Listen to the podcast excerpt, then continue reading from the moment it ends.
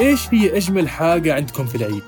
أكيد في ناس بتقول لك اللمة الحلوة وناس تقول لك العيدية وناس تقول لك الفعاليات الشعبية في الولاية. وعاد الأكلات بروحها عالم. حط طايح على الحلويات بكل أنواعها واللي ما نشوفها إلا من العيد للعيد. وعاد الكل تقريبا طايح في اللحوم وفي الذبايح.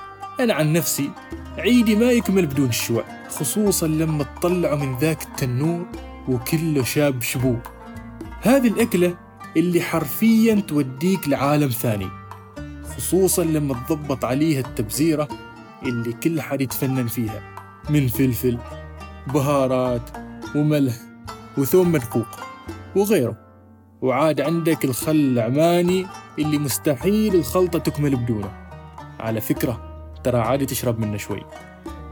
وبعدين تجيب ورق الموز. وتلف عليه وتضبطه في الخسفة وتحط عليه العلامة اللي كل حد يبدع فيها. ما تحط علامتك معناها تسلم على خسفتك وشواك. عاد العلامة يا أنها تكون قوطدي ومقصوص أو حتى مزهرية بكبرها. وعاد بعدين تروح شال الخسفة مالك صوب تنور الحارة. وأهل الحارة متجمعين حد يجهز الحطب والفحم وحد يجهز الطين وحد بس شاطر يصور سنابات.